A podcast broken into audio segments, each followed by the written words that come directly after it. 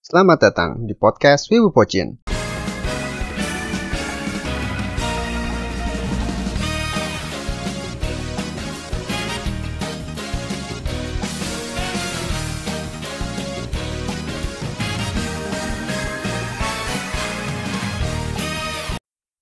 One Piece chapter 989 dengan judul Doesn't Feel Like We're Losing. Highlight dari chapter ini ada dua. Yang pertama menyangkut Big Mom dan yang kedua menyangkut kru Straw Hat. Tapi sebelumnya kita mulai dari cover dulu di mana uh, Pound sedang berenang menuju kapal BG sambil ditembaki oleh angkatan laut. Dia juga menunjukkan um, foto dari si kembar Lola dan Chiffon saat mereka baru saja lahir. Dan dengan adanya bukti ini, mestinya sih mereka akhirnya bahkan percaya dan ngangkut Pound.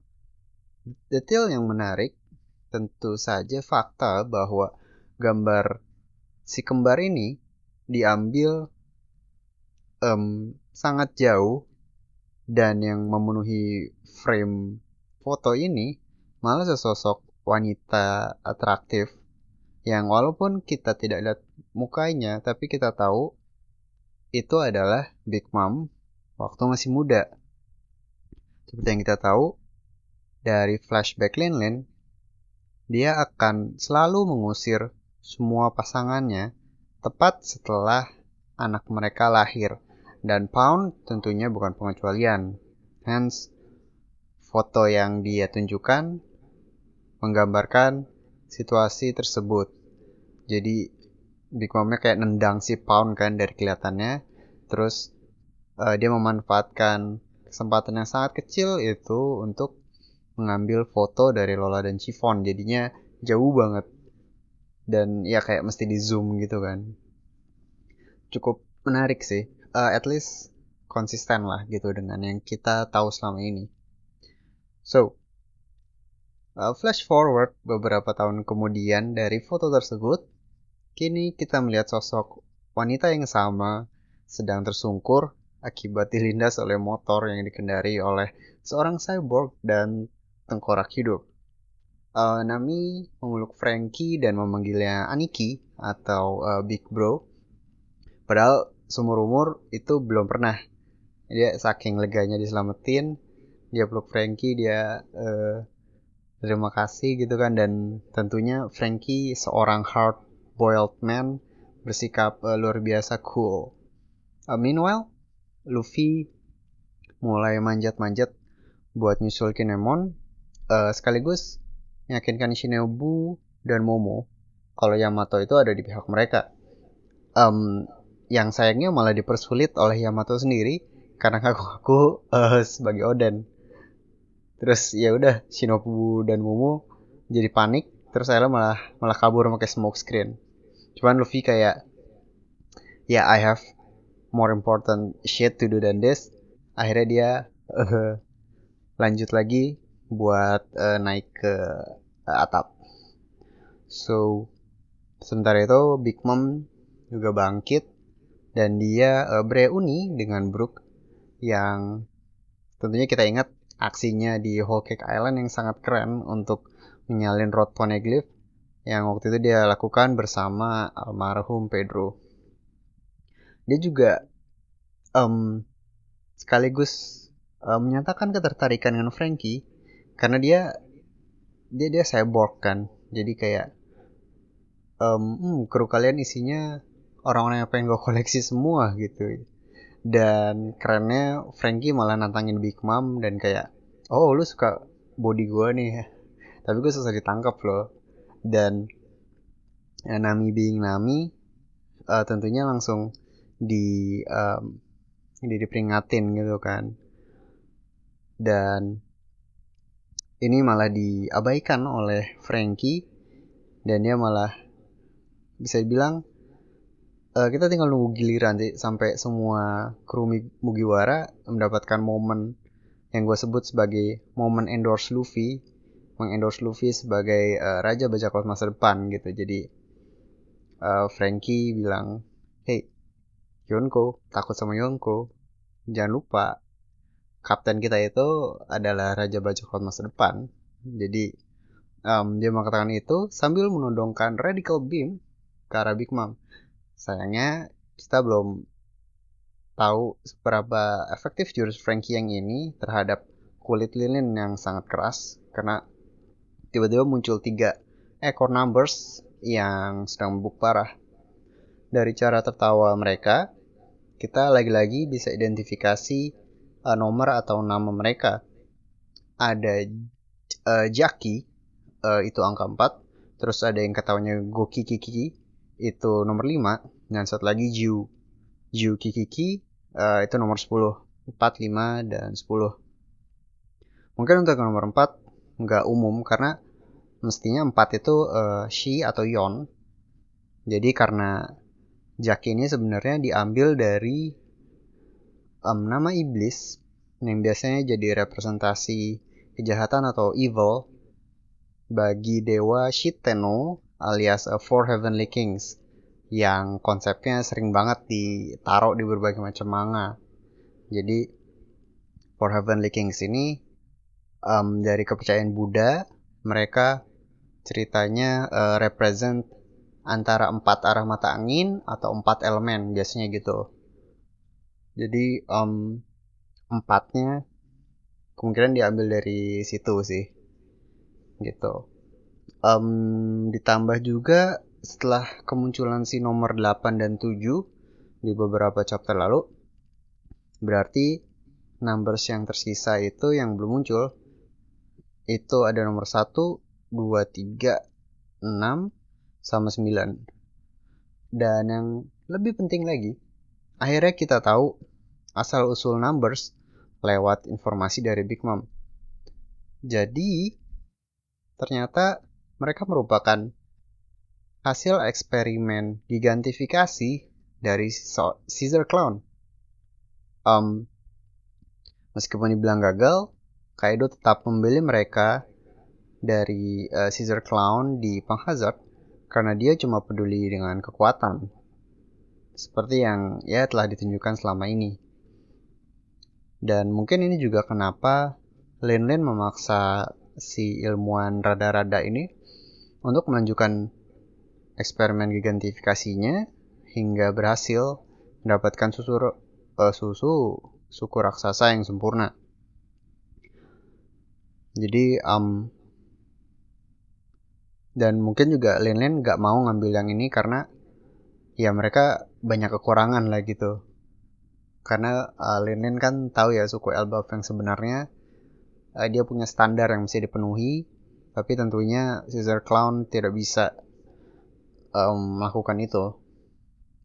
Uh, ngomong-ngomong Caesar Clown dia sebenarnya udah nggak kelihatan lagi sejak arc um, Whole Cake Island setelah dia berpisah dengan BG dan Luffy itu di ujung-ujung banget udah Luffy-nya udah menang lawan Katakuri kalau nggak salah. Jadi udah menang udah kabur terus uh, sesuai kesepakatan jantung dia yang uh, bisa di uh, plug in gara-gara kekuatannya Lau akhirnya dibalikin sama si BG jadi uh, dia pulang mungkin ke Panghazard atau ke mana nggak tahu tapi um, gue jadi penasaran apakah dia merupakan sosok bayangan yang menguntit Straw Hat di awal arc Onigashima. Soalnya juga um, karena dia yang bikin numbers, siapa tahu dia punya kelemahannya, jadi dia bisa bantuin um, Luffy dan kawan-kawan. Um, anyway, uh, Frankie jadi panik karena dia melihat robot Brachio Tank yang di dalamnya ada Chopper dan Usopp dipegang sama salah satu numbers uh, langsung ganti sasaran dari Big 6 dan menembak Jackie dengan Radical Beam. Dan Big Mom melihat ini, dia mau coba memanfaatkan kesempatan tersebut. Tapi ternyata Jinbe dan Robin yang sebelumnya um, sudah merencanakan sesuatu, ternyata langsung melakukan hal yang cukup menarik jadi Jinbe uh, menggunakan sebuah jurus bantingan untuk uh, menghentikan Big Mom sebelum menyerang Frankie dan ditambah jurus Delphinium dari Robin untuk ngegelindingin Big Mom jauh-jauh dari tempat tersebut. Terus ya udah nggak tahu dia gelinding ke mana tuh si Big Mom. Agak-agak lawak sih karena ya masa Yonko digituin gitu kan. Cuman ya udahlah I think uh, Oda masih mau nyimpen uh, Big Mom untuk momen yang lebih besar nanti. Dan FYI, teknik Delphinium ini pernah dipakai Robin saat duel di Skypiea untuk ngelahin uh, salah satu pendeta Eno. Dan sama juga sih, uh, dipakai buat ngegelindingin musuhnya gitu. Jadi ya, Big Mom. Out of the picture for now. Sedikit disayangkan karena ide atau harapan gue yaitu Straw Hats versus Big Mom ini nggak nggak jadi. Padahal udah udah ngumpul semua kan seperti yang gue bilang udah ngumpul semua. Cuman ya mengingat Jinbe memang um, sebagai orang yang pragmatis dan bijak gitu kan ini tindakan yang tepat juga karena ada masalah lain yang perlu mereka selesaikan terlebih dahulu dan ngalahin Big Mom akan membutuhkan waktu yang terlalu lama. Dan ya kayaknya kita perlu nunggu gue yakin lama banget sih sampai Big Mom bisa muncul lagi. Dan kemungkinan dia akan muncul lagi dengan momen yang berdekatan dengan Marco atau Perospero uh, just my feeling tapi um, cocok aja sih menurut gue oke kita pindah ke scene berikutnya.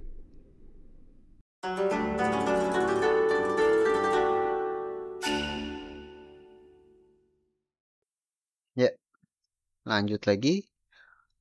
Di sini uh, Usop tidak sadarkan diri karena dikocok-kocok sama Numbers. Langsung bangun karena mendengar sebuah keyword yang sudah mereka tunggu-tunggu sejak lama bersama Chopper yaitu um, docking alias gatai. Um, mata mereka langsung bersinar-sinar. Uh, sementara itu, Queen masih ngasok di panggung, masih ngudut, masih nyantai aja, padahal udah nggak ada momo buat dijagain. Dan bahkan dia cuma kaget-kaget doang waktu melihat tiga uh, peristiwa berikut. Yaitu pertama anjir Queen lah. Uh, Luffy yang muncul di dekat dia. Terus tiba-tiba Zoro juga ikutan muncul. Dan akhirnya Zoro nebeng Luffy buat naik ke atap. Untungnya uh, despite being like that Queen masih masih jauh lebih berguna daripada commander dari Yonko sebelah. Uh, smoothie. Uh, dan langsung menangkap mereka berdua dengan berubah menjadi uh, apa Brachiosaurus ya kalau nggak salah. Ditambah lagi uh, King yang udah uh, kelar urusan dalam tanda kutip sama Sanji ikut menghadang mereka bersama sekelompok gifters bersayap. Lagi-lagi uh, niat Luffy buat menyusul Kinemon gagal, tapi nampaknya ini sudah direncanakan oleh Oda karena di saat yang bersamaan, uh, Usopp dan Chopper keluar dari Brachio Tank dan jatuh ke tempat berkumpulnya Mugiwara yang lain. Sementara itu, Brachio Tank dalam proses docking. Kemudian Sanji yang ternyata baik-baik saja walaupun sudah ditinggalin oleh King, mungkin udah dikira mati, dan dia fine fine aja karena durability dari raid suit yang luar biasa keren. Dan tentunya Sanji bukannya bangga malah kesel gitu. Kayak anjir lah bagus banget ini raid suit gitu dan juga ditambah kru yang telah berada di lokasi tersebut duluan uh, Luffy dan Zoro dilempar and well akhirnya bajak laut topi jerami berkumpul dengan lengkap setelah sekian lama. Like, can you imagine momen momen sebelumnya ini terjadi itu udah jauh sebelum ini di uh, Fishman Island. Arc pertama di uh, New World.